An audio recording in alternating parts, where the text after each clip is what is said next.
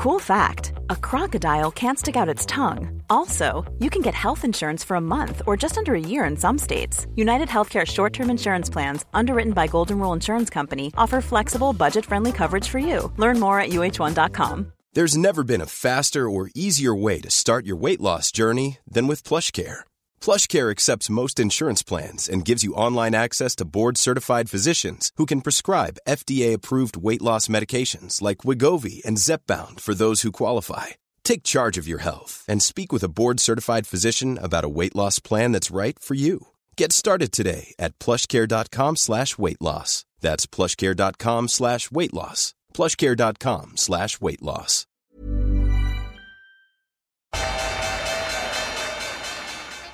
They mistook leverage for genius. Leverage for genius. I would recommend Japan. The governments don't rule the world. Goldman Sachs rules the world.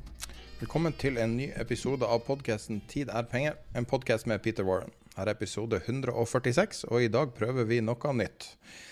Enkelt og greit så har vi tenkt til å gjøre episodene tightere. Så det betyr mindre bortkasta tid, gå tilbake til tid er penger, tenke gjennom det, strukturen litt mer. Og Det betyr også at vi prøver å få med oss alle temaer vi har tenkt. Hver eneste episode misser vi et tema. Så vi blir å forklare litt nå om hva det vil si, men i praksis så vil episoden eh, forbli omtrent sånn som den har vært alltid. Og eh, mens hver episode vil da være, ha en mye lengre utgave på Patrion. Og det betyr at vi rekker å ta alle temaene som vi har tenkt å ta, men det betyr også at du som lytter får muligheten til å ha et klart valg, men du beholder den samme podkasten som du alltid har hatt. Men uh, da kan vi kanskje bare gå i gang med episoden, og, uh, der vi prøver å tenke litt på hva vi heter. Tid er penger. Og gi oss gjerne feedback hva du syns.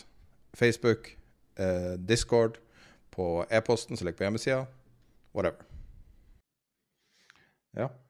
Vi har prøvd å strukturere denne episoden litt mer ja, strukturert.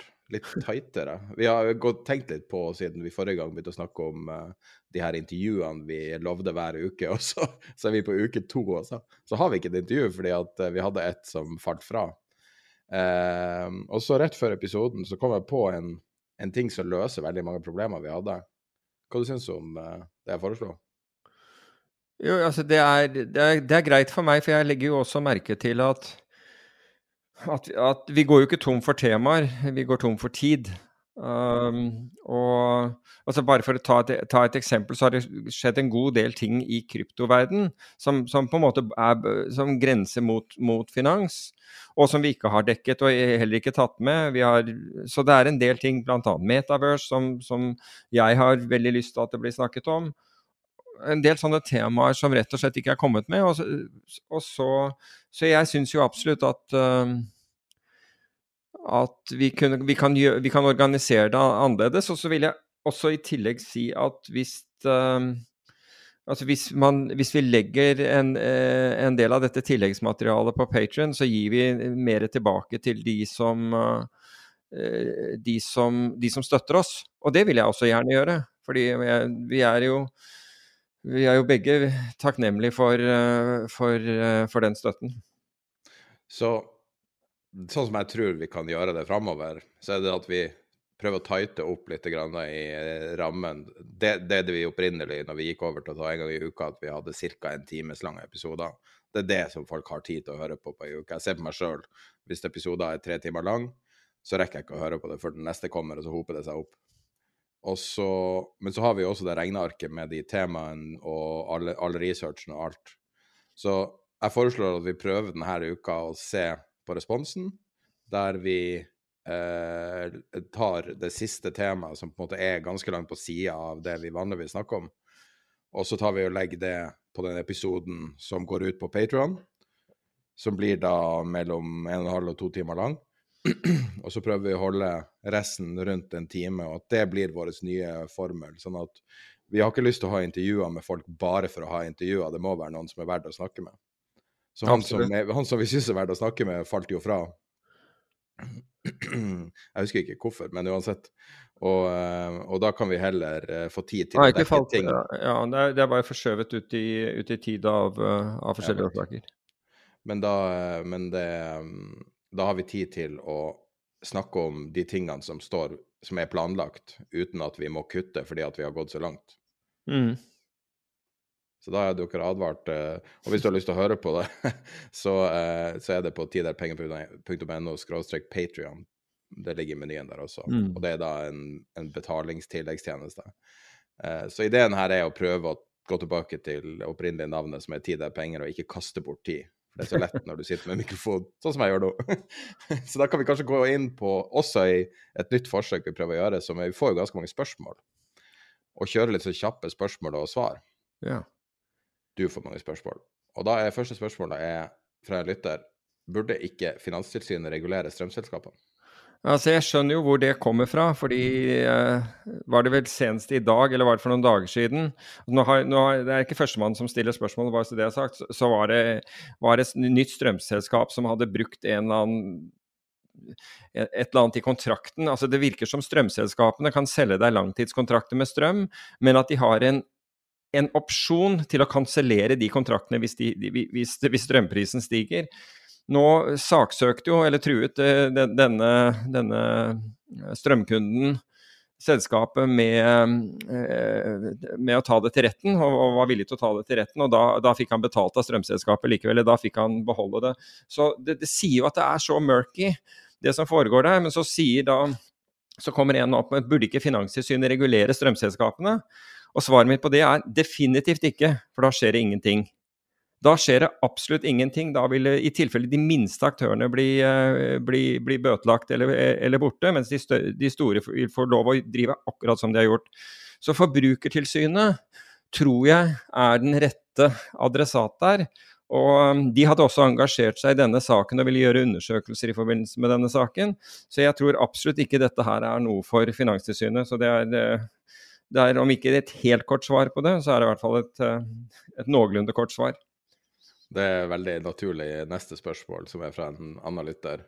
Eh, og det er jo noe jeg har lurt på også. Fungerer markedet med strømtak? Du har foreslått 50 øre i Norge.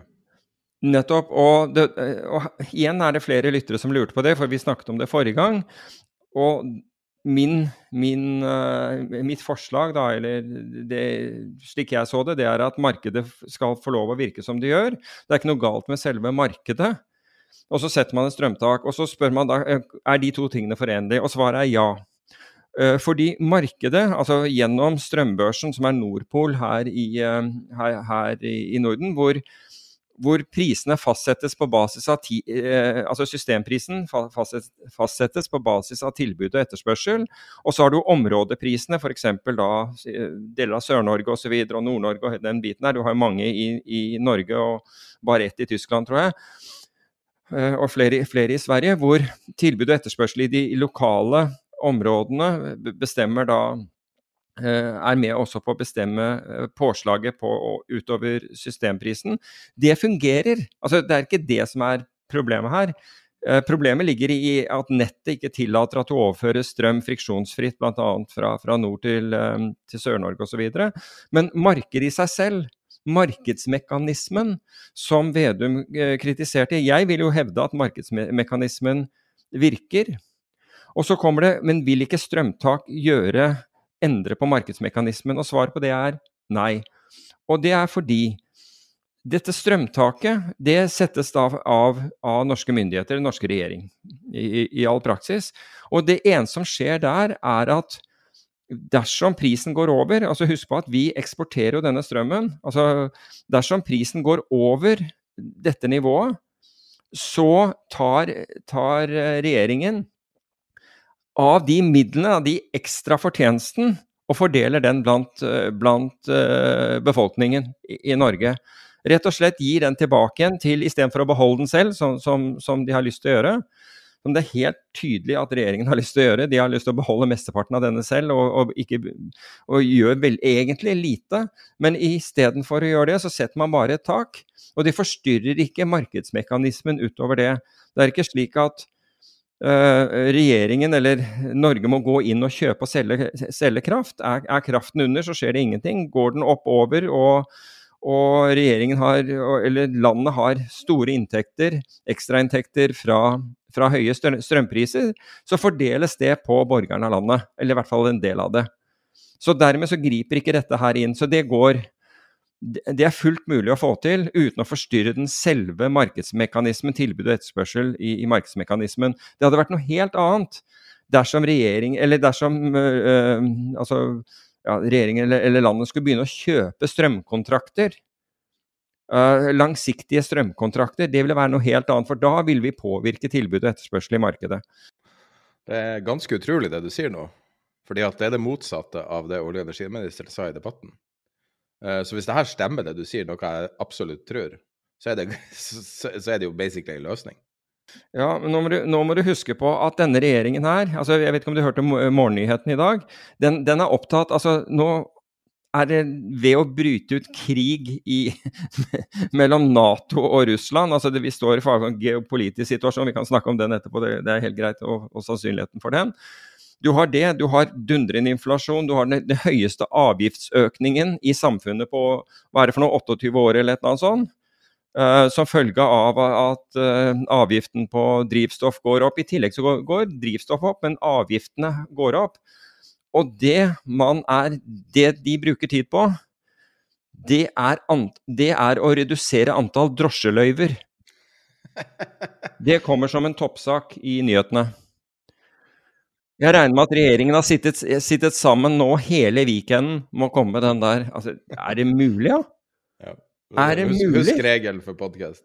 Ja, men altså, noe frustrasjon må man kunne ha. Og du kan si at hadde vært like Det hadde ikke spilt noen rolle hvilke, hvilke parti som, som, som regjerte. Den, den, reaksjonen hadde kommet uansett. Men det er jo forenlig med det de sa når de kom inn. Så var det en av de første sakene de skulle ta opp. Og etter 100 dager når Vedum skulle si unnskyld for ting de ikke hadde gjort, så var den ene tingen han sa unnskyld for, var den saken at de ikke hadde fått gjennomført det. Men da må vi videre til neste spørsmål i vår nye quickfire-runde. Det går ikke an å gå fort med det. Så du putter på ei krone og får tilbake en femtilapp uansett. Um, det var Du hadde noen kjappe tall. Hadde du ikke noe du om Nå er jo ikke det et spørsmål egentlig, da, men om Miami, og du hadde bare bitte litt sånn fakta etter du var der? Nettopp. fordi jeg, jeg, snakket om denne folkevandringen til, til Miami. Men, men, nå har jeg sett tallene, og de var mye Altså, vet du at Miami har ca. 450 000 innbyggere? Og de har fått, de nå, de har fått tilført nå, altså fra Nå, nå flytter 220 000 mennesker til Miami. 220 000 mennesker flytter til Miami. altså det er, det er, helt utrolig. Altså, når, når, man snakker om dette med skatteeffekter og dette med å drive for, forretninger, så er det da 220 000 altså det, det går nesten opp 50% folketallet i, i Miami. Og, det, og, de skaper helt nye ting. Selvfølgelig påvirker det boligpriser og alle disse tingene, men de skaper helt nye virksomheter. Og i den forbindelse Vi har jo snakket om Peter Thiel eh, tidligere. Han er gründer av alt mulig, og hedgefondforvalter har han vært, og, og mange ting. Og, og, er borti det meste når det gjelder ny teknologi. Men han eh, foreslo at man skulle flytte deler av, av virksomhet ned til, eh, til, Miami. Og han fikk umiddelbart telefon fra Francis Suarez, som er da ordfører i Miami, med hva kan vi gjøre for, for, for, for eh, hva kan vi gjøre for, deg for å gjøre dette Eh, lettest mulig. Hva kan vi gjøre? Og det er det spørsmålet som jeg, har snakket om tidligere. Sånn er det når du driver business i USA. Da prøver man å legge til rette istedenfor den, den uh, tyske rettspraksisen som i hvert fall innenfor finans man har adoptert i Norge, som sier at alt som ikke er uttrykkelig tillatt, er forbudt. Så det er litt forskjellig. Men 220 000 mennesker, jeg syns det, var, det var, uh, var imponerende. Uh, vi hadde jo en kjapp uh, lytterfeedback. Vi kan jo si det um, egentlig ganske raskt, som var det Vi hadde en diskusjon som vi tok Jeg, jeg må jo si det litt sånn uh, bak forhenget. Vi tok det på sparket, da. Så vi, du, du, bare tok det opp. Jeg hadde ikke hadde ikke, for, jeg hadde ikke forberedt noe på det, men jeg hadde satt meg inn i saken uavhengig av det. Men det var én detaljfeil i den diskusjonen som var nøyaktig hva det var som bilen gjorde feil.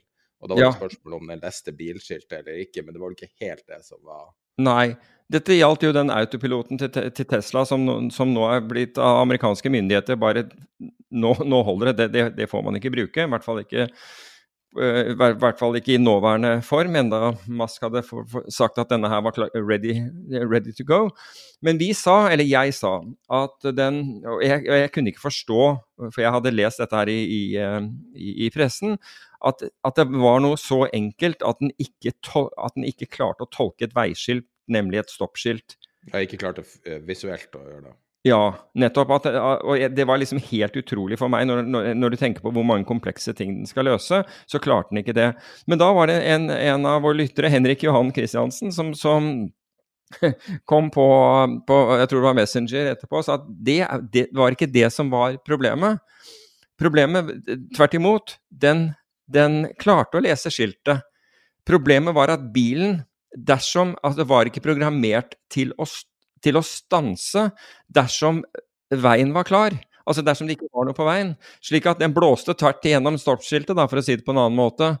Uh, hvis, ikke, hvis den ikke så trafikk, så blåste den tvert gjennom uh, stoppskiltet. Men det her, er jo, det her koker jo ned faktisk til det vanskeligste problemet med AI, som er å ta uh, beslutninger. Ja, men Det det, er der er jo- ikke AI, det der er jo en if-setning.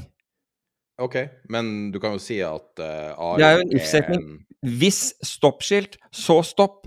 Men bare hvis du ser på AI hva det egentlig er, når du begynner da å komme ut fordi at å komme til ca. 90-95% på selvkjørende, eh, eller en, en automatisk beslutningstager som fungerer på if-setninger, som du sier, så kommer du til 95% ca. Det er liksom gammeldags uh, radarstyrt cruisekontroll og sånn.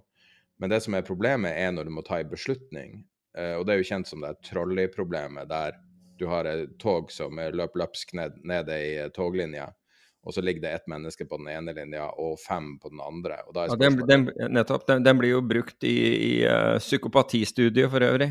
ja. Studie, altså psykologi, psykologistudiet når det gjelder psykopati, så nevnes akkurat den du sier der. Ja, og det er jo for så vidt ganske forenlig, fordi at en AI er jo på mange måter lik en psykopat, som er en, en, en kald beslutningstager.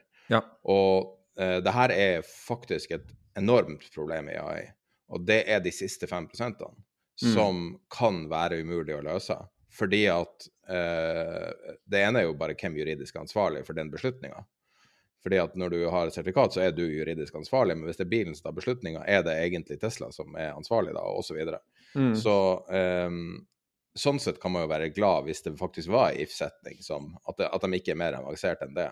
Men hvis det her er basert på en AI som har, har eh, kommet fram til den beslutninga, eller at det er en eller annen form for automatikk i læringa, så er jo det et mye større problem, egentlig. Ja, da er jeg enig. Men AI er jo, altså AI er jo ikke noe annet enn en, en egentlig korrelasjon. Mens, eh, mens dette her må være en beslutning. Det er et veldig stort spørsmål hva AI er, da. Ja da, det er jeg enig i, men AI er stort sett altså hvis, hvis du skal ta forskjellen på, på vanlig programmering og AI Nå er jeg helt sikker på en haug av kodere kommer til å, å angripe meg etterpå. Men, så det er min simplistiske tolkning, og det er vanlig koding. altså Den, den tradisjonelle koding handler om if-setninger, og AI handler om, om korrelasjon og, og, og, og bruk av, av mye data. Men, og det er greit, jeg, jeg, tar, det, jeg tar den fighten og eventuelle Nei, men kor- eh, altså, Hvis du forenkler dette sånn, så er jeg enig. Altså, det, ja. den prøver Altså, å finne den letteste veien til svaret, egentlig.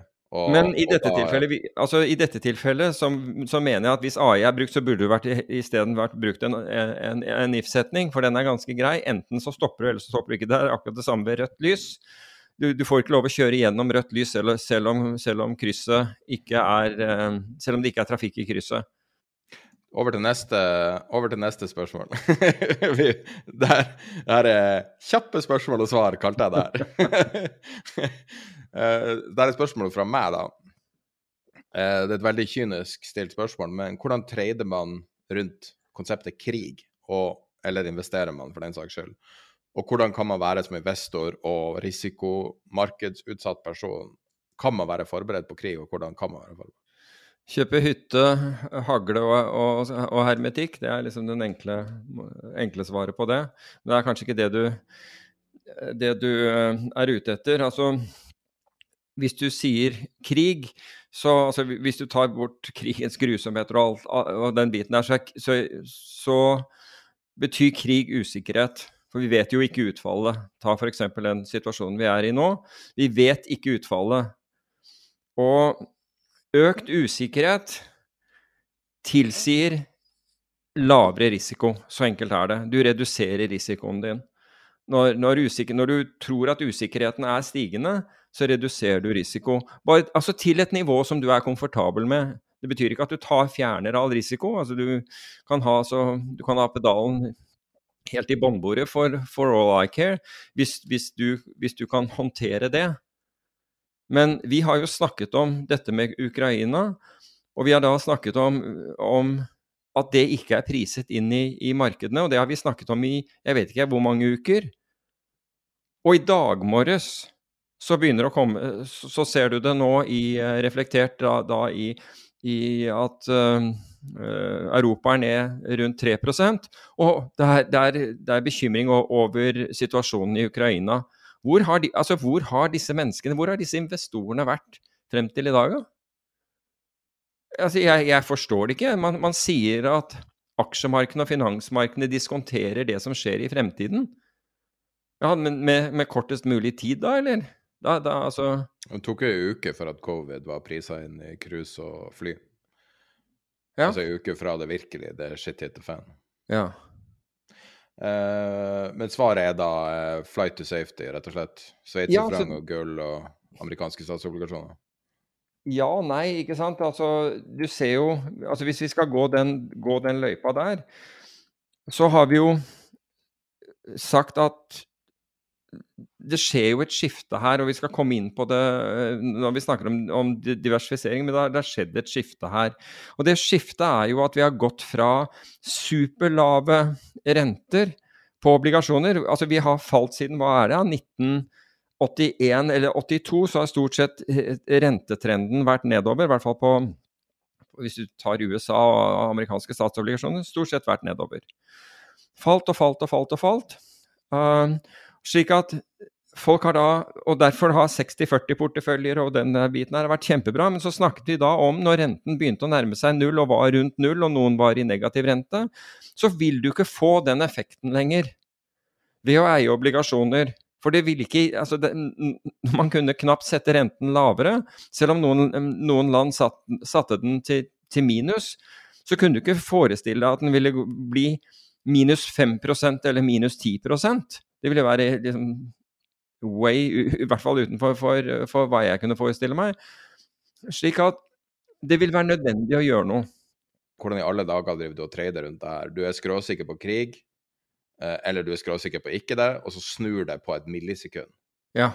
Men saken er at når det er usikkerhet, så betyr det jo nettopp usikkerhet. Det betyr at du ikke er skråsikker på noe. Du bare ser at det er økt usikkerhet, så hvordan liksom forholder du deg da? Jo, altså hvis, hvis da, i verste fall krigen bryter ut her, så har den enorme konsekvenser for, for uh, regionalt, men også geografisk, fordi det vil, det vil, ramme langt flere land. Det vil, det vil sette nærmest Europa og Nato i, i, i, krig. Eller kan gjøre det.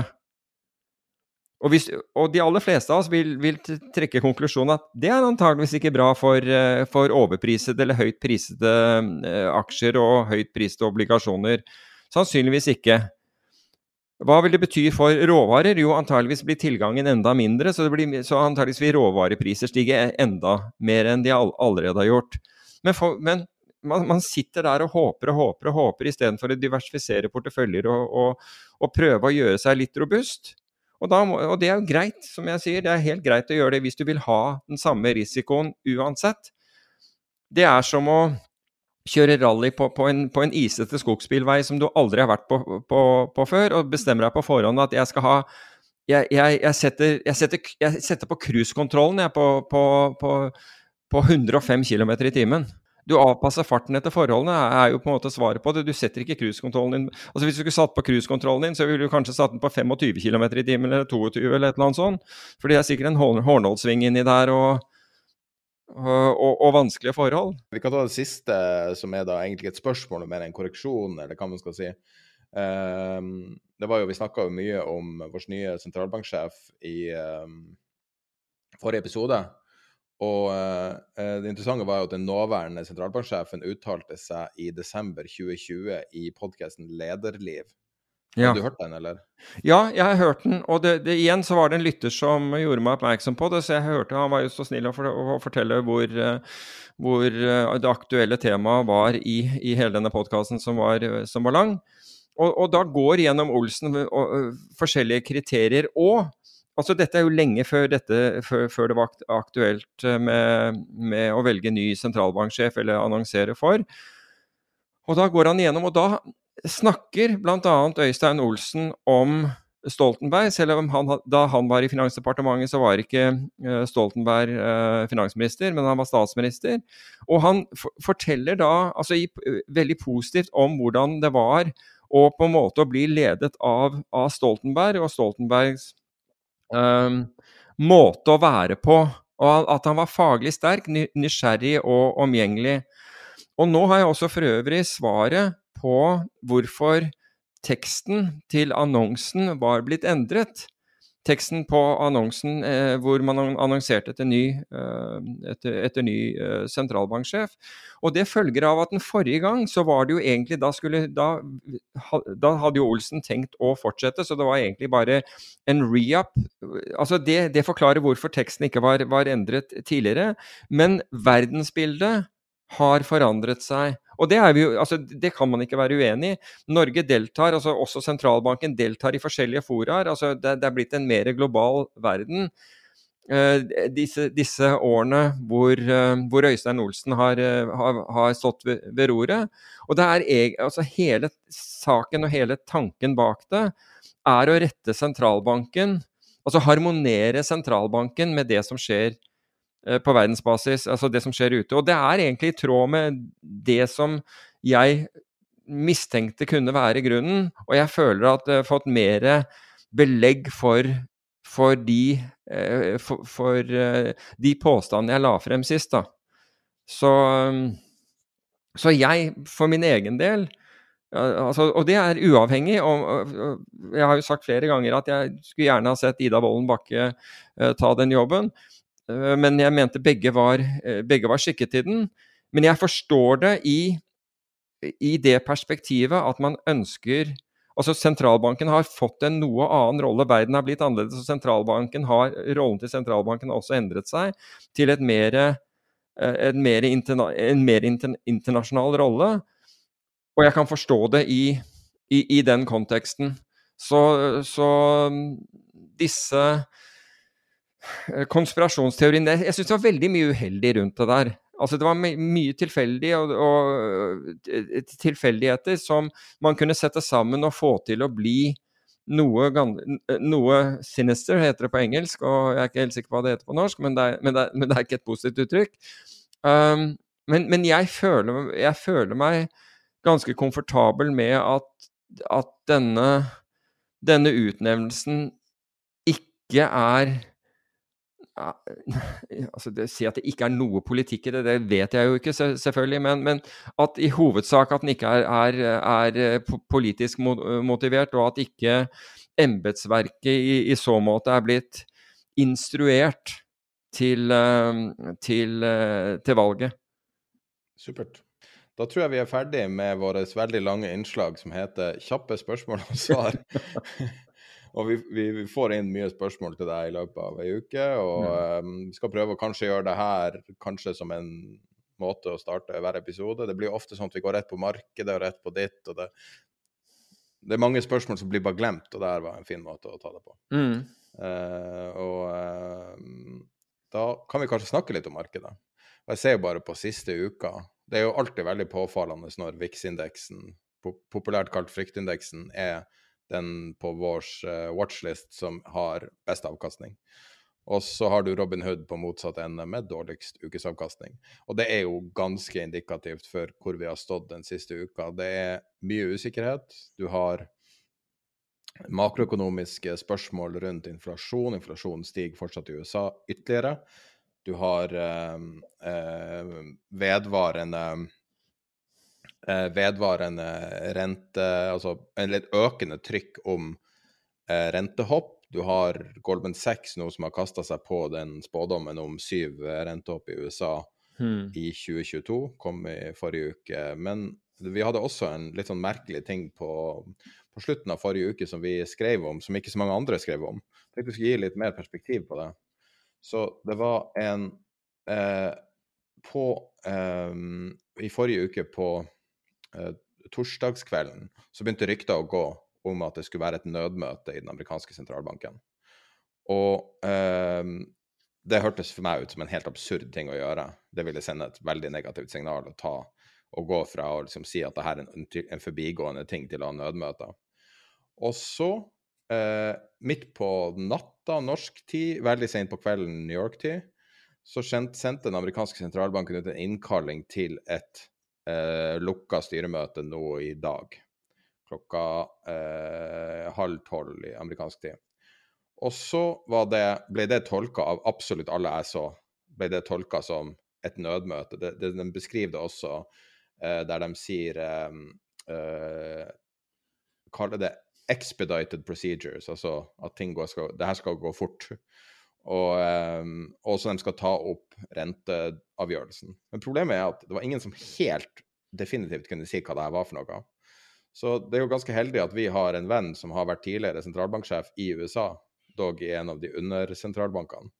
Uh, så jeg sendte han en melding. Thomas Hønig, hvis dere har hørt den tidligere episoden, av så spurte jeg hva er det her for noe. Er det her et uh, nød-FOMC-møte, som er det som mange tolker det? Så Sier han så fikk jeg svar da noen timer senere at det er ikke et FOMC-møte, men møten er for å vurdere uh, styringsrenta i USA. Og det, de fleste, altså For de her dynamikkene her er det jo veldig vanskelig å ha oversikt over fra utsida. Det er fint å ha en fra innsida. Og da sier han at uh, hver, uh, hver, måned møter sentralbanken i etterkant av rentebeslutningen fordi at de får masse henvendelser om de skal endre renta eller ikke. Og det her møtet eh, er et tilsynelatende sånn møte, der de eksplisitt sier de skal vurdere renta. Så det blir jo et tolkningsspørsmål om man tolker det her som et nødmøte eller ikke. Nå sammenfalt jo det her med krigshissing, sånn at det ble jo en veldig risk-off-bevegelse rundt helga uansett. Eh, og det er fortsatt ikke helt klart hva det her er for noe. Og bare det at det er uklart, er jo et problem. Og det illustrerer jo veldig godt hvor viktig det er at sentralbanker er tydelige i sin kommunikasjon. Fordi at, at en sentralbank sender ut et sånn, et sånn skriv uten videre forklaring, når alle sitter og ser på dem, er i seg sjøl en tabbe. Fordi at når du går tilbake og søker på URL-en på Twitter, bare for å se hva sa folk da det kom, 100% sier 'oh shit, nå kom et nødmøte'. 100 og, og, det betyr fordi at, For man sitter ikke hele dagen og ser på skriv fra eh, FOMC. Og det her er jo noe som altså Ut fra det han sier, så er det noe som skjer ofte, men jeg er ikke helt sikker på om det skjer hver måned. Og, og vi måtte ha en så god kilde for å klare å tolke det her riktig. Så vi får se i dag, da. Det er en mulighet for det, for å ja. få ei renteendring nå. Og, og, det er definitivt oppe i lufta. Vi kan ikke si for sikkert akkurat hva det er, men det er i lufta. Altså, det, vi, altså amerikansk inflasjon er den høyeste på 40 år. Det er klart at altså, du, Apropos det vi snakket om med usikkerhet i sted.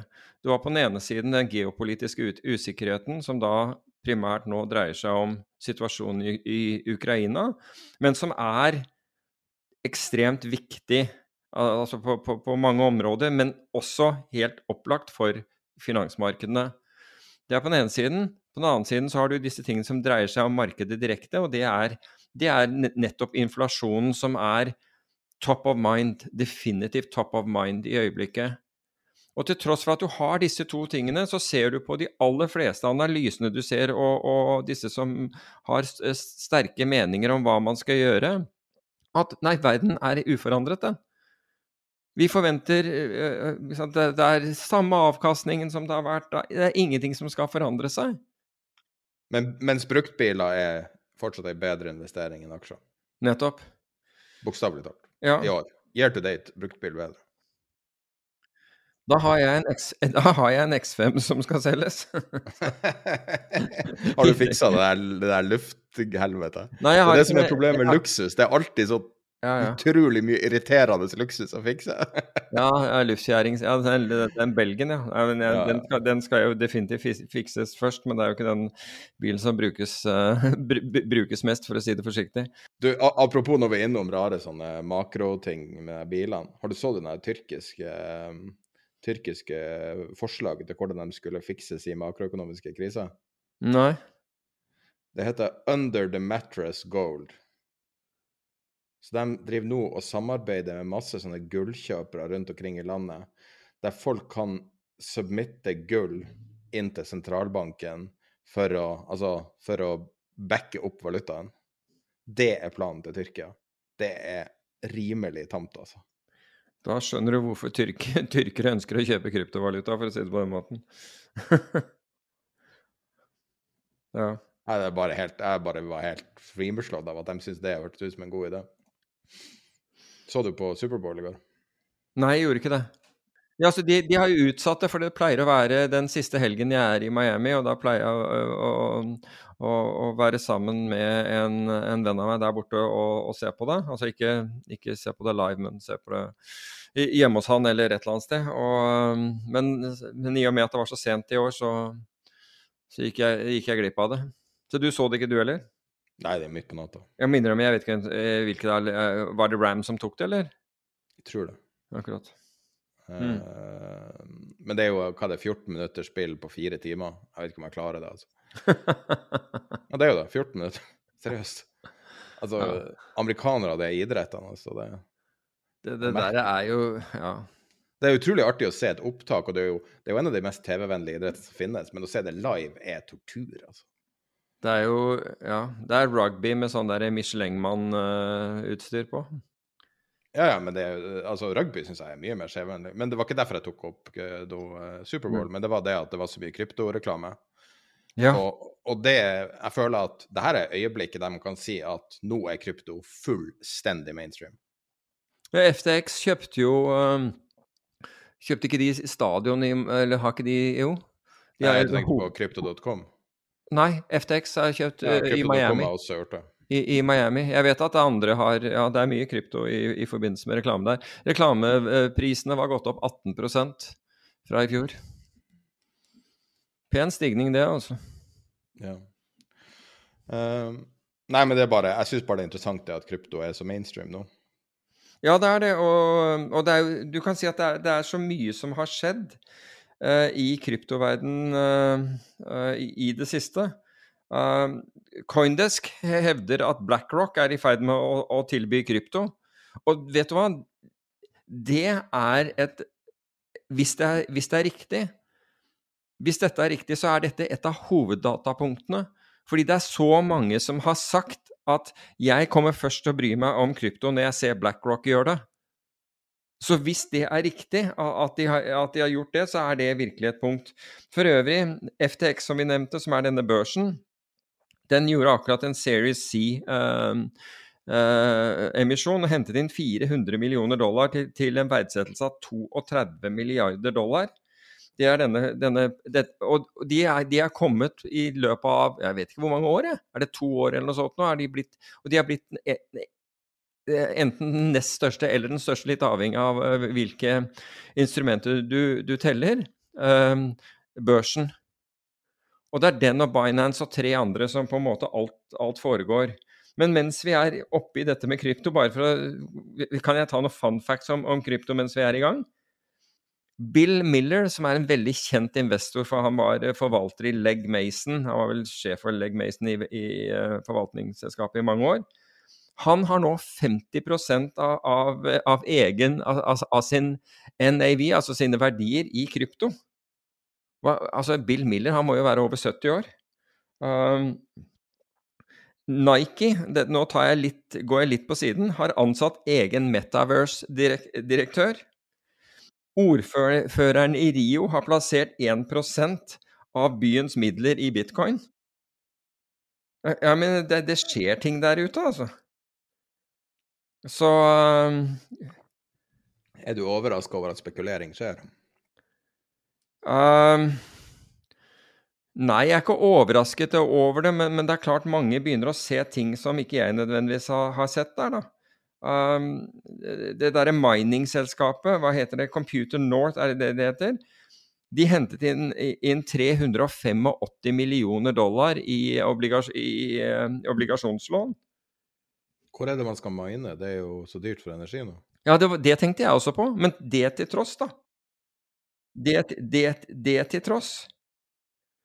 Gucci, altså brandet Gucci, altså klesmerke, veskemerke, hva, hva det nå enn heter, motemerket Gucci, kjøpte, kjøpte, nettopp virtuell eiendom i Sandbox. Jo, men problemet er nå begynner du å bla, du blander mange ting. Ja, jeg blander nå, altså, men dette er jo, dette er jo en del av liksom kryptoverden, da, på en måte. Men jeg blander jo metaverse og, og, og krypto her. Men poenget mitt er at det har skjedd veldig mye innenfor det. Og de, de, du vet at uh, kryptovalutaer, de aller fleste kryptovalutaer falt i januar, mens NFT, opplevde, altså uh, non-fungible tokens, opplevde største interessen og har, har, sett motsatt utvikling. Så det er virkelig mye som, my, mye, som, uh, mye som, skjer der. Men hvis vi skal dra det tilbake igjen, da. Uh, Galaxy for øvrig er ned 27 i år. Det er jo en, en, aksje som jeg har skjønt mange nordmenn følger, kanskje pga. at én driver og markedsfører uh, Galaxy til enhver tid. Dette er jo det selskap, Galaxy Digital er jo selskapet til Mike Novogratz. Um, men altså, det, det, det er solid opp fra, fra, fra, starten. Men hvis vi skal se nedover listen, da, så er obligasjoner Nå, nå, nå tar jeg det fra, fra, USA eller fra internasjonalt perspektiv, ikke fra norsk. Men bonds altså, er ned 6,7 det er, det er 20 år i, 20 år i durasjon eller, eller, lenger.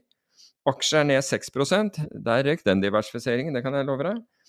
Råvarer derimot er opp 10 Oljeselskaper, altså representert gjennom XLE, altså denne ETF-en for, for oljeselskaper, opp 27% Oljeserviceselskaper, Altså de, de, de, tingene som bare skulle gå konkurs, skulle ba, fullstendig forsvinne.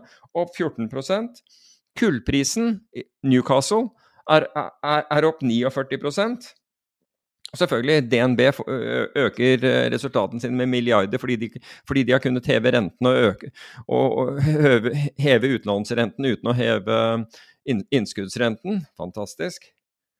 Der kan du si at konkurranse ikke virker, altså. For øvrig. Um, ellers så har, har, den japanske sentralbank sagt at hvis, hvis renten på, tiåringen stiger til, til 0,25 altså den japanske JGB, som den heter, eh, Japanese Government Bond, stiger til en kvart prosent, så vil den, så vil den kjøpe til, til krampa tar den. For den skal ikke over det. Det har ikke jeg fått med meg, altså. Så det driver og spiker japanske gild, også? Ja, ja. Det er skumle saker, altså. Snakk om en størrelse Det er jo ikke skummelt, da. Har, altså, japanerne har siden 1990 prøvd å få, få inflasjon i landet. Eller de hadde jo da, men de har jo men... litt mengde gjeld der, da. Det var det. Ja, ja, for, for all del. Men, men, der har japanske sentralbanken gjort en sånn Mario Draghi da han var ved ECB, og sagt at her, her stopper vi det. Ferdig. Hm. Her kommer vi til å kjøpe alt. Wow. på, på, på, ja, de vil kjøpe opp gilden? Nei, hvis de kjøper kvart prosent, så faller jo ikke sant, da, da, altså Hvis de begynner å kjøpe obligasjoner når den er på en kvart prosent, så faller jo gilden. Ja, nei, for det var det jeg tenkte intuitivt, da, ja, at, at, de vil gå inn der og, og, og bunnplukke, men Ja, det er en intervensjon, men, altså ren intervensjon. De har sagt at 'that is the line in the sand'. Men de har prøvd å skvise opp gilden, og så nå skal de prøve å Nei, de har jo ikke for, altså, Gilden har jo mer skvist seg selv opp, tror jeg, som i følge av uh, at Gild på, på, alt mulig annet begynner å røre seg i verden. Og det er jo nær panikk i Europa, ikke sant. Du ser jo disse korte renteinstrumentene, også tyske tiåringen, falt dramatisk. Nå snakker jeg om obligasjoner når jeg snakker om å falle. Uh, obligasjonskursene har falt dramatisk. Ja, og renta opp, ja. Og renten opp, helt riktig. Men det er interessant. Har, har du oppfatning av at Japan har prøvd å skvise opp inflasjonen hele tida? Jeg har inntrykk av at de har mer levd i en sånn kald krig, eh, sånn, eh, et sånt scenario der de skal prøve å tightrope-walke seg gjennom en hel generasjon. De har jo de har en erklært målsetting om 2 inflasjon, da. Har de det? Ja, ja. Jeg, jeg Hva er inflasjonen der nå? Jeg, jeg, tror de, jeg tror de bukker og beklager den hvert eneste år, jeg. Da, og da har du booket mye siden 1990, for å si det på den måten? Jeg har sett at, uh, at uh, liksom sammenlignbare kan si, konkurransedyktigheter med utlandet er 90 siden da, Mm. for Japan. Det er interessant. Uh, hvis, Jap altså, hvis japansk yield begynner å gå, altså Ja. Jesus. Men det spesielle altså- med, Japan, det er et veldig spesielt eh, Men Bank of. Japan Altså, jeg har, jeg har 90% holdt av japanske banker, så Ja. de har jo stålkontroll på det gjennom sånn sett. Du, og, og Bank of Japan er en av de sentralbankene jeg faktisk har eh, respekt for. Og det går tilbake igjen til, til eh, 90-tallet, når jeg, jeg satt og handlet valuta. Og du kom inn tidlig om morgenen og så begynte du å se på hva som foregikk. Og så, og så kom det spørsmål sant, fra, fra japanske banker om, eh, om pris, f.eks. dollar igjen. Eller du, kom, eller du handlet det på, på EBS-en, hvor du ikke så hvem du handlet med før handelen ble gjort. Slik at du plutselig så at jøss, nå Du så det, det var attra- det du oppfattet som, som, som en attraktiv bevegelse, da, f.eks. I, i dollar igjen. Eller e- enten det eller euro igjen, og så så du den og så tenkte du, ok, det, jeg, jeg kjøper her eller selger her eller, hva- eller hva som helst. Og så gjorde du det, og så så, så du liksom Bank of Tokyo, Mitsubishi, og, og det bare liksom rant inn med japanske navn uh, så, som, som var på den andre siden av handelen din. da. Som, altså med andre ord, hvis du kjøpte, så var det de som solgte til deg. Kun japanske navn. Det lærte du én gang. At hvis du kun så japanske navn komme, så var det like før det smalt. Og da gjaldt det å bråsnu seg. Selvfølgelig rakk du ikke det første gang, for du skjønte ikke hva som skjedde. Men da liksom var det bare japanske navn som, eh, som handlet med deg. Og det neste navnet du ser eh, som har handlet med deg, det er Bank of Japan. Da, det var rett og slett intervensjon. Og det japanske sentralbanken gjorde, det var fordi de ville ikke ha skade, altså de ville ikke at de japanske bankene skulle tape. Så de ble forvarslet at nå kom det. At nå kom eh, Bank of Japan til å gjøre noe i markedet. Og de selvfølgelig frontrunnet Bank of Japan umiddelbart. Så det lærte man eh, altså etter én sånn Etter å ha blitt ordentlig banket opp én gang, så så, så, så, step, så var du veldig rask til å snu det der, når, når det der skjedde igjen. Og det var sånn, det, det kunne skje egentlig når, når, som helst på dagen, men særlig om morgenen ville i vår tid ville, ville det skje. Og det er plutselig kun japanske banker. mm, her er det et eller annet. Her bør jeg snu, og fort. Altså det, det er så vanskelig å forstå de kultur, kulturelle, subtile tingene. Og jeg, tør, jeg skjønner nesten ikke at man tør å deale med dem fordi det er så komplisert. At, at en vestlig person ikke er i stand til å forstå det. Nei, jeg vet ikke om jeg har fortalt det der. Vi, vi, vi jo, fikk jo japanske investorer på besøk en gang. Og jeg holdt da en presentasjon for dem. Vi, vi trodde at det ville komme to-tre, kanskje. Eller sånn typisk ville komme to stykker når det kom en investor fra, fra, fra utlandet. Eller bare én. Og i dette tilfellet så var rommet helt full. Jeg tror det var tolv stykker, jeg. så jeg måtte bytte, bytte møterom, men fikk jo til dette. Og så holder jeg denne presentasjonen for dem, og så er jeg nesten ferdig. Og så er det en av dem som sier noe, og så går alle bort i et hjørne. Altså reiser seg og går bort i det, det hjørnet som er lengst vekk fra meg. Og jeg tenker, hva skjedde nå? Altså, Du lurer jo på, har jeg fornærmet noen? Hva, hva i all verden var det som skjedde nå? Og så stå, står de der i en, tett klynge, og så kommer det en kar ut av klyngen bort til meg, og så sier han eh, Når er du født?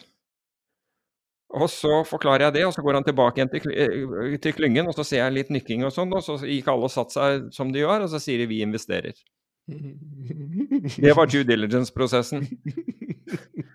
altså, du må elske sånn der asiatisk mystisisme, altså. Ja, ja. Det er, helt, det er helt magisk. Jo, men ikke sant, det var sånn Skjedde dette virkelig, liksom? Det var helt Var det, var det vellykka investering, da? Tjente Ja da, ja da, det var det. det, var det. Altså, de, de, de, skjøt, de skjøt penger inn i fondet. Men da funka jo det. Da var det jo bra due diligence de gjorde. Ja, ja. Men jeg, jeg, tenkte jo herregud, hadde jeg, vært født, hadde jeg vært født noen måneder senere, eller gud forby noen år, så hadde det vel gått helt gærent, liksom. Men det var liksom, det var det siste due diligence-spørsmålet. Det, det, var tydeligvis stjernetegnet ditt, eller et eller annet sånt. Det er sånn year of the et eller annet, er det ikke det? Year of et eller annet, ja. Nå er det vel Year of the Dragon. Nei, Year of the Tiger nå. Eller er det samme i Japan og Kina, kanskje det? Nå vet gjør ikke. jeg den fatale tabben. Jeg vet ikke, jeg satte meg ikke inne. Jeg tror jeg fant det ut etterpå, fordi jeg fortalte det der til noen, og det var en eller annen som sa at det var uh, Ja, det var året til Slimålen eller et eller annet sånt, jeg vet ikke. Nei, det var ok, den var ikke så morsom. All right. Kom igjen! Jeg bare ser for meg at du er født i året til Slimo.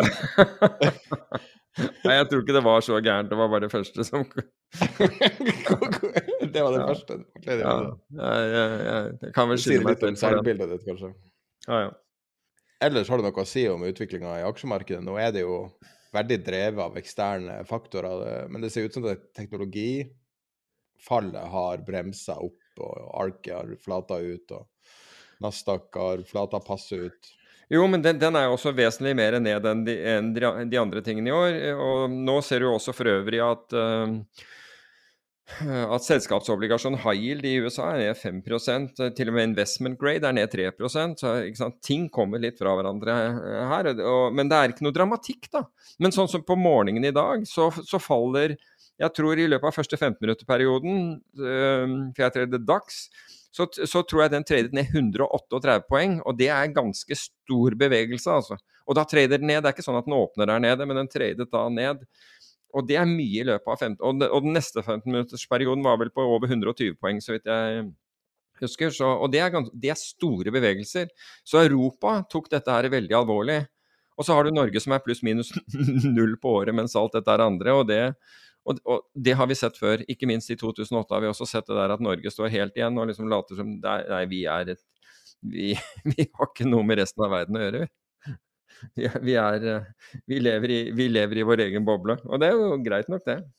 Ja, ja, men oljen er opp eh, Nettopp, Det er jo det. til himmels i år. Jeg vet ikke hva det er, men den, er jo, altså, det var noe, den var noe minus 20 dollar for to år siden. Så, ja, ja, ja, ja, ja. så ting har nå blitt ganske mye bedre. Det har blitt veldig mye bedre. Jeg er veldig mye bedre, jeg er helt enig. Så, men jeg, altså, jeg må si at jeg, jeg, jeg vil si fortsatt at jeg syns det er grunn til å være forsiktig optimist. fordi at altså, man kan ikke For det første kan man ikke se på historien alltid. Du, altså Historien kan man se mot for å forstå framtida, men den kopierer ikke historien.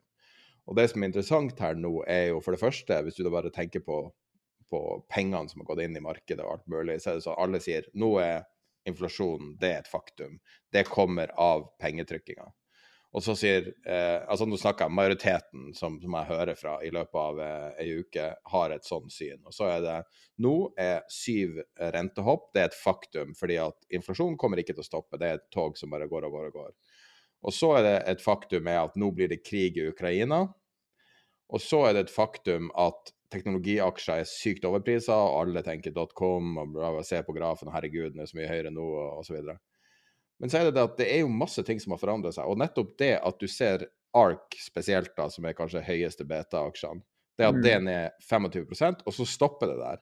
Med 25 og, og at, at Robin Hood er 80% Det er veldig mye risk som er tatt, altså som er, som er deriska, da.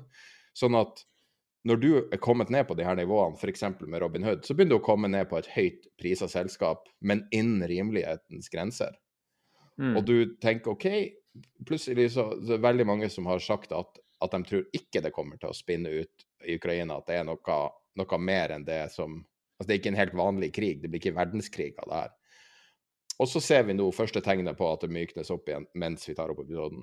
Mm. Og så har du eh, alle eh, sånn nedenom og hjem med oljen og, og gass er det aldri noen som har tenkt på før i år, eller før i fjor, da.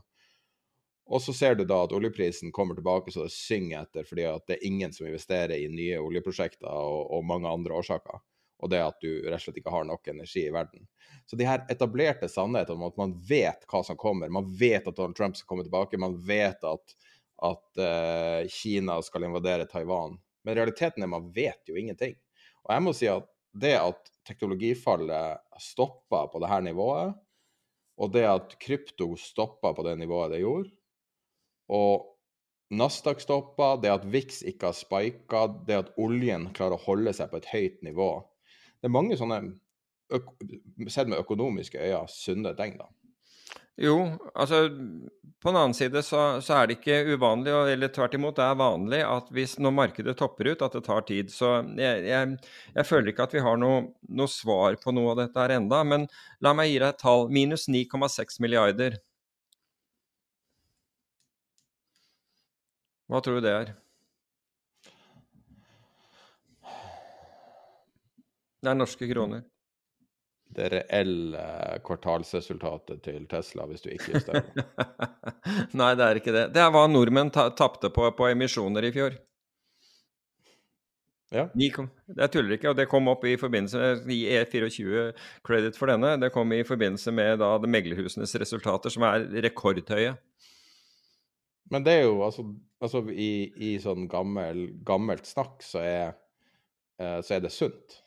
Altså, det er jo et utrolig stygt ting å si til folk som har tapt eh, 9, 9 milliarder. Og jeg tror du refererte til rekordresultatene til meglerhusene. Ja, ja, men det får nok være. Altså, om folk er flinke å selge, altså, du kan ikke du kan jo ikke arrestere dem for det. Nei, det er ikke det, Nei, det, er ikke det jeg tenker. Men det er, det er minus 9,6 milliarder som er blitt, blitt, borte av disse emisjonene, som bare forteller at de var satt altfor høyt. Og som går tilbake igjen på, på dette her hvor det, det skal da Hvor, hvor uh, Som Finanstilsynet har, har, uh, har, bestemt det, og jeg, jeg støtter det, hvor hvor det ikke, altså i rådgivning, det skal være rådgivningsnøytralt. Altså Det er jo ikke trukket inn i akkurat emisjonsmarkedet, for det har jeg ikke engang tenkt på. Det er jaggu på tide de tenker på det. Altså den, den, ubalansen som er når du får 7 av, av den som selger, og du, får, og, og du får ingenting, eller 0,2% av den som kjøper.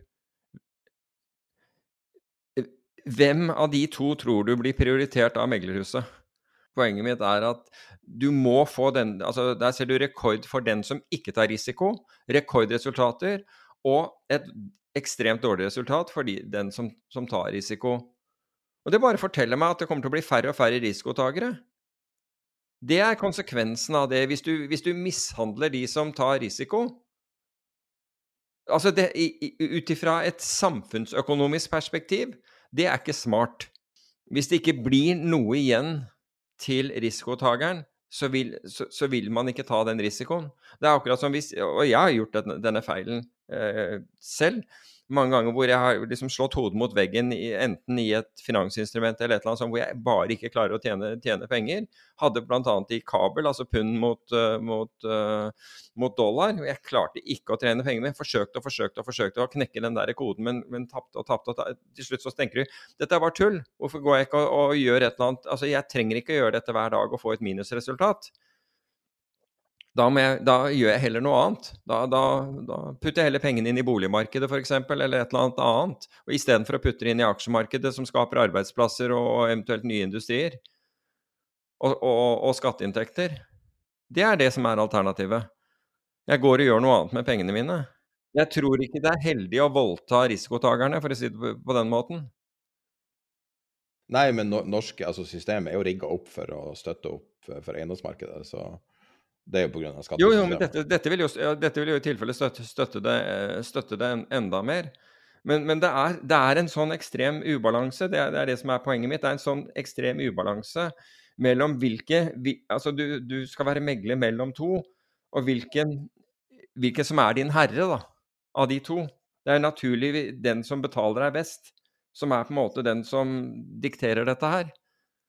Og den ubalansen har man ikke gjort noe med. Den, den, sitter man og ser hver eneste dag. Og du skjønner da at de downstream, som er den stakkaren som, som, enten, som betaler 0,1 eller 0,2 det, det, er akkurat som når, når uh, en, du får beskjed om at, er, at emisjon blir overtegnet.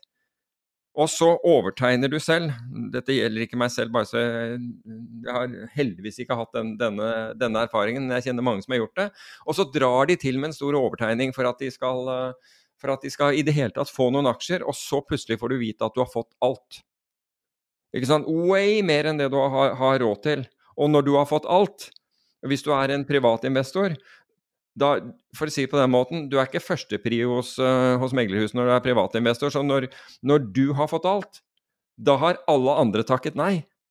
Den, Den aksjen kommer ikke til å gå opp fra dag én, altså, det kan jeg i hvert fall fortelle deg. Fordi du og en hel haug andre sitter i akkurat samme båt. Her gjelder det å kvitte seg med aksjer. Fordi, fordi, du har langt flere aksjer enn det du har råd til. Fått langt flere. Så det er sånne ting. Før vi går over til uh eh, til våre eh, si, litt mer filosofiske tema, som vi skal ha som vi skal ha i vår Patrion eksklusive episode. Mm. Så jeg tenkte jeg kunne bare ta fort ja, hvordan diversifisering har endra seg. Ja, altså, og, og jeg har sett noen, noen uh, kommentarer den siste tiden nettopp på, det, på dette her, hvor Altså, vi må huske at i de siste hva, hva blir det for noe? De siste tre, 13 årene så har markedene blitt manipulert av myndighetene, altså gjennom sentralbankene. De har blitt manipulert ved at du har fått færre og færre ting du kunne få lov å investere i, som da til slutt, når det gjelder finansmarkedene, har vært aksjer og obligasjoner. Det er der du skulle, skulle putte pengene dine. Så har obligasjoner falt mer og mer, altså renten på dem har falt mer og mer av at sentralbanker har har, har kjøpt obligasjonene og da presset ned, ned avkastningen. Så hvis du skulle ha noe igjen, så puttet du pengene i aksjer. Så man endte opp da med svært aksjeorienterte porteføljer. Alle har veldig mye aksjer i sine porteføljer. Ok? Og det er jo greit nok, det har fungert til nå. Men det folk så, Jeg så det var, var snakk om eh, et spørsmål uh, på Var det Facebook-gruppen, eller om det var på Det var vel kanskje på begge steder, egentlig. Hvor man drev og snakket om diversifisering. Hvordan skal man diversifisere nå? Og da kom rådet nei, bare se på aksjer. De har gjort det så bra de, de siste årene, så du skal ikke gjøre noe annet enn å kjøpe indeksfond. Jo, det er greit, det. Men diversifisering har vært regnet som en av de få gratislunsjene innenfor finans. Hvor du kunne få redusert risiko uten å, å, få redusert avkastningen din betydelig. Når obligasjoner ikke egner seg til det, så har man sagt ja, men da er det jo bare å konsentrere mer i aksjer. Og så ser man ikke at premissene, de underliggende premissene, nemlig sentralbankene har ikke tenkt å fortsette å støtte opp aksjemarkedene og presse dette her. Det der er, er, er de ferdige med. De har ikke tenkt å, å, dytte renten lavere og lavere. Det er de også ferdige med. Problemet er at når dette har skjedd for 13 år siden, så er vel mer enn halvparten av investormassen har ikke vært i markedet lenger enn den perioden. Så, de, så for dem så det, finnes det ikke en annen, virke, en annen uh, virkelighet. Og, man, og, og, du har ett fond i Norge som da på en måte har tatt litt um, litt uh, konsekvensen av dette her, hvor de har da sett at råvaremarkedet kan være, kan være interessant. Hvor de har aksjer og, og råvarer i sin portefølje. Og det kan jo være en veldig god idé i og med at råvarer i forhold til aksjer er ekstremt underpriset. Og man har et stort, stort problem. Altså, er, kaffe er på ny 20-års high. Altså, det er, altså det, er, det er, knapphet i veldig, mange, i veldig mange råvarer. Men man vil på en måte ikke ikke innse at det er noe annet. Det som er problemet med det der fondet, er at det har, det har gjort det dårligere enn både aksjemarkedet og råvaremarkedet. og Det er litt merkelig når du har en portefølje bestående av begge deler. Men allikevel. Poenget mitt er at det er på tide at folk forstår, altså går tilbake og leser finanslitteratur, altså fra fra, fra no, noen av de virkelige tenkerne, noen av de virkelige, disse som har sett på dette matematisk, og som bl.a. har uttrykt at diversifisering er, er, din eneste free lunch innenfor, innenfor finans. Og da det er ikke bare spørsmål om å gjøre dette så spisset som mulig, men kanskje altså I øyeblikket så vil jeg jo si at råvarer er en god diversifisering, nettopp av de årsakene som jeg nevnte. Og så må man justere dette for volatilitet og så gjøre forskjellige ting. Råvarer er tross alt Uh, gått opp i år, så la oss si at du hadde Nå sier jeg ikke at du skal ha det, men la oss si at du hadde 50-50 portefølje mellom råvarer og aksjer. Da er aksjemarkedet ned 6% og råvarer opp 10% og er i pluss i år. Ikke så gærent. Og du har hatt mye lavere volatilitet på, på porteføljen din. Men faren er at vi skal tro at akkurat det som har skjedd før, kommer til å skje igjen, til tross for at premissene og det er det man må, må ta inn over seg her. Premissene er vesentlig endret fra 2022 enn de har vært fra 2021 og tilbake igjen til 2009. Og hvis du er Altså, ta og kikk litt på, på, på historien her, og så, så, vil du forstå hva som har skjedd. At du kan ikke sammenligne 2009 frem til slutten av 2021 med det som nødvendigvis Det kan hende at, at, historien gjentar seg, jeg vet ikke det, jeg. Men premissene har endret seg, så veldig mye taler for at kortene At, at nå er det omstokk. Nå er det en skikkelig omstokk. Og da kanskje man skal se ut ifra det at det er en åndstokk av, av, kortstokken, og se på det med nye øyne. Og så kan man beslutte hvor mye aksjer man skal ha i porteføljen og hele greia. Man kan velge å, å være uforandret, det spiller ingen rolle. Men da har man i det minste tatt en, en informed decision. Altså, hva heter det på norsk? En informert beslutning. Den beslutningen man har fattet, er på basis av faktisk informasjon som er oppdatert, istedenfor å bare late som nei, det, det, det, det funka så bra i denne perioden. Fordi da ble, ble tidevannet presset oppover av, av, en kraft som jeg etter, i ettertid kalte min egen, min egen dyktighet, men i realiteten var sentralbanker. Men Det syns jeg var ei fin oppsummering av differensiering og at uh, omstokk av kortstokken. Men da, da, foreslår jeg at vi prøver vårt uh, nye eksperiment, som er å gå over til uh, en, den um, på en måte ubegrensa episoden som vi legger ut på Patrion, tiderpenger.no Patrion, til vår uh, ja, det er vår betalingsmur, enkelt og greit, men det er for å kunne gjøre denne episoden så tight som mulig. Så nå har vi faktisk jobba ganske hardt for å prøve å få det her til å bli tight, og det er en, eh, en episode som er, er liksom mulig å, å spise i én sitting.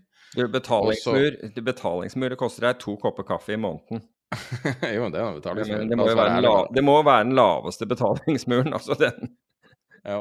Nei, så um, uansett um, det, her er, det her blir første gangen på kanskje 20-30 episoder der vi klarer å fullføre alle temaene vi har lyst, og vi ikke trenger å slette det eller flytte det ubegrensa. Vi har jo et intervju i forrige episode som flytta i tre måneder. Um, så da tror jeg vi går over til å snakke om Metaverse. Og det er litt sånn spørsmål om Jeg tenkte vi kanskje ta det her litt sånn overordna før vi starter det. For det første så har det her så godt som ingenting å gjøre med Facebook, som har begynt å har, har på en måte hijacka navnet Meta, Metaverse, mm. der de har laga eh, en eh, 3D-verden i sin, eh, sitt system. Så de har svidd av 18 milliarder dollar på to år for å bygge. Eh, så det, det, er på en måte ikke det vi snakker om.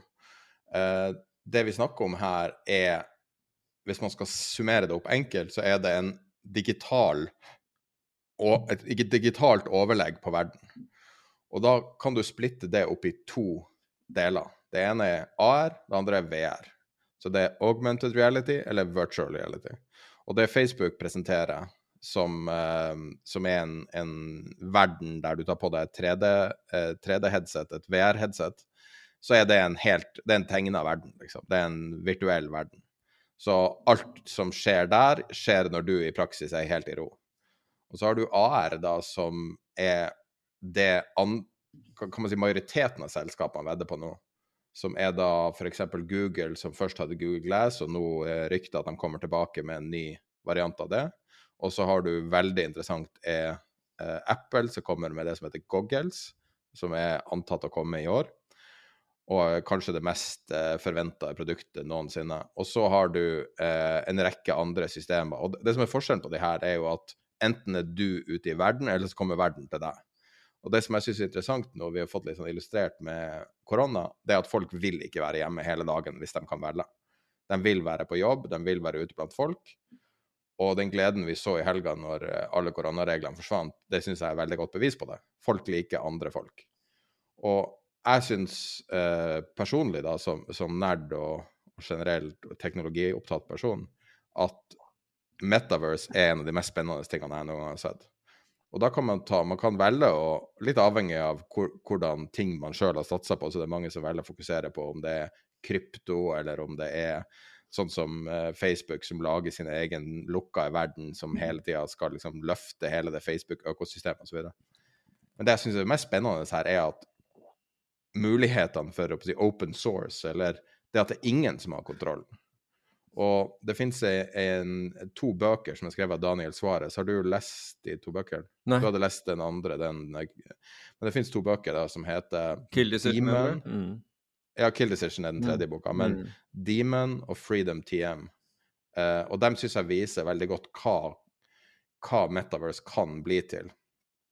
I den sammenhengen så er det laga av noen som har dårlige hensikter, men hvis man bare tar bort den biten, så det at, at det er mulig at du får et digitalt lag på verden, det at du tar digital informasjon fullstendig inn i verden, syns jeg er inspirerende.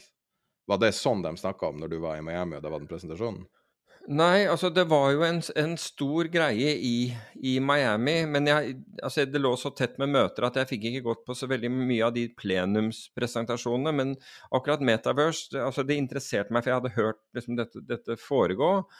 Og jeg forsto Altså, det var problemet mitt, at jeg forsto ikke egentlig hva dette dreide, dreide, seg om. Det var derfor jeg, jeg, kom tilbake og spurte deg om det. Annet enn at jeg hørte at, at noen av disse her solgte produkter inn i Metaverse, og det var, og det var kvinner som betalte 100 000 dollar for klær som de, de kunne da gå med i dette digitale det, Altså, det var ikke augmented reality, det, det var, det var um, VR, så vidt jeg forsto. Altså, det var, det var snakk om.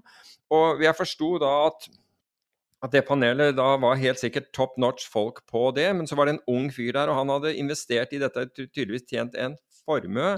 Og han hadde veldig klare oppfatninger om ting, for han svarte veldig sånn når han ble spurt, så, så svarte han veldig sånn klart på hva han trodde, og altså hvilket jeg håper å si ikke så skråstikker som, som, bare unge mennesker kan være, men han hadde tydeligvis mye, mye kunnskap. Men så har jeg forsøkt altså vi, Du og jeg har snakket litt om det, og så snakket jeg med noen teknologer om det i forrige uke. Og det som jeg da forsto, det er at Altså, jeg trodde Metaverse var ett, ett rom, altså én verden. Men det er jo ikke det. Det er jo mange forskjellige verdener. Altså, noen, altså det er mange forskjellige metaverses. Det er ikke, det er ikke som det er en metaverse trademark, det er, det er denne.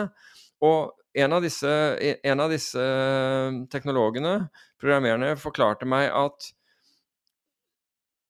at i, på en måte så er en del av disse spillene som, som, jeg egentlig tror jeg bare har sett på TV, altså uh, Fortnite og uh, noen andre, det, du kan nesten kalle de metaverse, fordi der er Å oh, ja, OK, greit. Fordi uh, Altså, så du kan si at du kan jo egentlig skape ditt eget Altså skaper du ditt eget spill, ditt egen, din egen by, din egen whatever der, så, så kreerer du din egen så men så, så, spørsmålet mitt til deg, da, vil det ikke være Altså, jeg forstår at dette er, er desentralisert, så det er i viss grad demokratisert, men er det egentlig det når Facebook skal ha sitt eget også, altså vil, ene er vil, vil, de store overta verden her? Altså, så, så, det rett og slett blir Dette var slutten på episode 146. Vi har eh, hele episoden med det komplette innslaget som der diskuteres i Metaverse i alle alle vinkler og, og, veier. Så vi prøver liksom noe nytt nå, og dere må gjerne sende feedback hvis dere har noen tilbakemeldinger på det. Og ellers er vi tilbake om ei uke. Planning for your next trip? Elevate your travel style with Quince. Quince has all the jet-setting essentials you'll want for your next getaway, like European linen, premium luggage options, buttery soft Italian leather bags, and so much more. And it's all priced at 50 to 80% less than similar brands. Plus, Quince only works with factories that use safe and ethical manufacturing practices. Pack your bags with high-quality essentials you'll be wearing for vacations to come with Quince. Go to quince.com slash trip for free shipping and 365-day returns.